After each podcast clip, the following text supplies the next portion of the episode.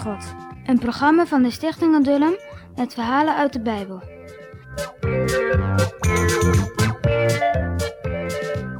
Jacob de bedrieger. Isaac was oud en blind. Hij bleef alle dagen op zijn bed liggen. Hij dacht dat hij niet lang meer zou leven.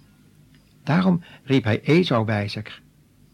En vroeg, ga een stuk wild voor me schieten. Braad het zoals ik dat graag heb. En als ik ervan gegeten heb, zal ik je zegenen. Esau dacht, vader wil mij zegenen. Ja, dat is waar ook. Ik ben de oudste en ik krijg alles.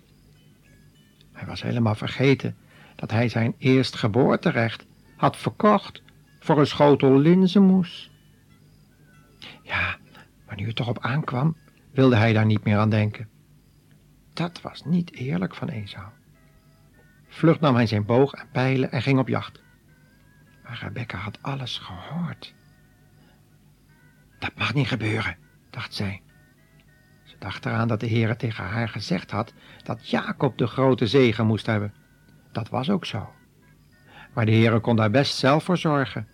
Dat hoefde Rebecca en Jacob niet te doen. En in plaats van op God te vertrouwen, probeerden zij samen de blinde Isaac te bedriegen. Dat was heel slecht van Jacob en Rebecca.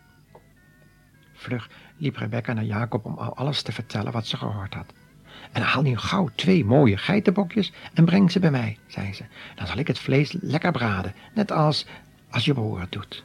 En dan kun jij het aan je vader brengen. Jacob schrok. Eh, ja, maar moeder, eh, moet eens luisteren. Eh, hoe moet dat nou?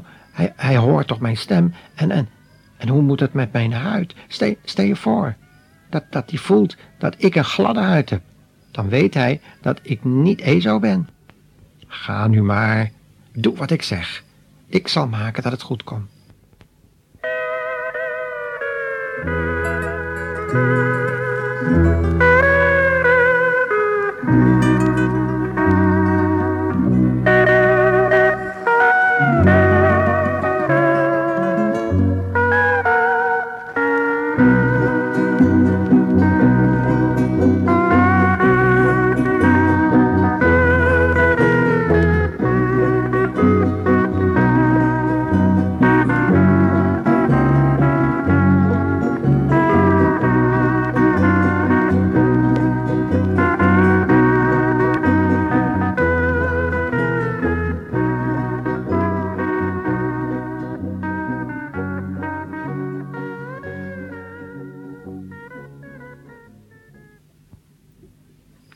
Jacob haalde de bokjes en zijn moeder maakte de schotel klaar.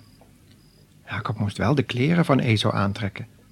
Zijn moeder naaide de huiden van de bokjes om zijn polsen en nek. Hier, zei ze, neem de schotel en breng ze bij je vader. En niet bang zijn hoor, Jacob. Toen hij bij het bed van zijn vader stond, zei Jacob, Zo, hier, ben ik weer, vader. Ben je er nu al? Uh, wie ben jij? zei Isaac. Ik ben Esau, vader, jokte Jacob. God heeft gemaakt dat ik gauw een beest kon schieten. Maar Isaac geloofde het niet. Kom eens hier, zei hij. Laat me je eens betasten. Bevend kwam Jacob naderbij. Oh, als zijn vader het bedrog eens merkte. Isaac streek over Jacobs handen en zijn hals. Hm, ja, het leek toch wel Esau. Maar die stem was toch niet de stem van Esau? Die, die handen zijn Esau's handen, maar de stem is Jacobs stem zei hij zacht. Nog eens, vroeg Isaac. Ben jij echt Esau? En weer loog Jacob. Ja, ik ben Esau, vader. Toen at Isaac en dronk. Toen hij gegeten had, zei hij, Kom bij het bed, mijn zoon, en kus mij. En weer bedroog Jacob zijn blinde vader. Hij kuste hem. Toen rook Isaac de kleren van Esau en zegende zijn jongste zoon Jacob met de zegen van de oudste. Toen ging Jacob gauw weg met kloppend hart. En net was hij weg of Esau kwam eraan. Toen merkte Isaac pas dat hij bedrogen was. Maar Jacob had de zegen. Zo was het eigenlijk toch de wil van God. Esau zou die zegen nooit ontvangen hebben.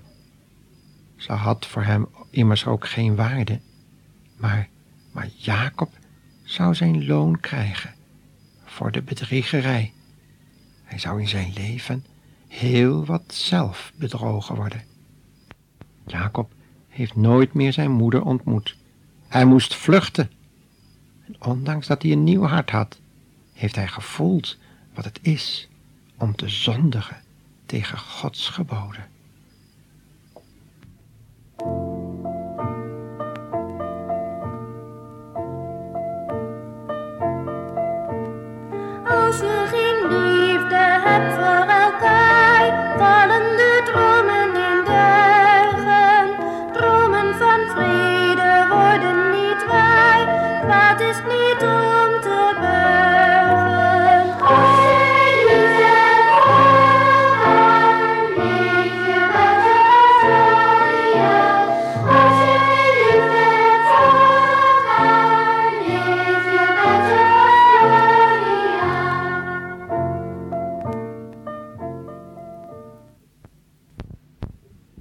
En dan nu de quizvraag. Wat waren de gevolgen voor de kinderen toen Rebecca haar man bedroog? Dus nog een keer. Wat waren de gevolgen voor de kinderen toen Rebecca haar man bedroog?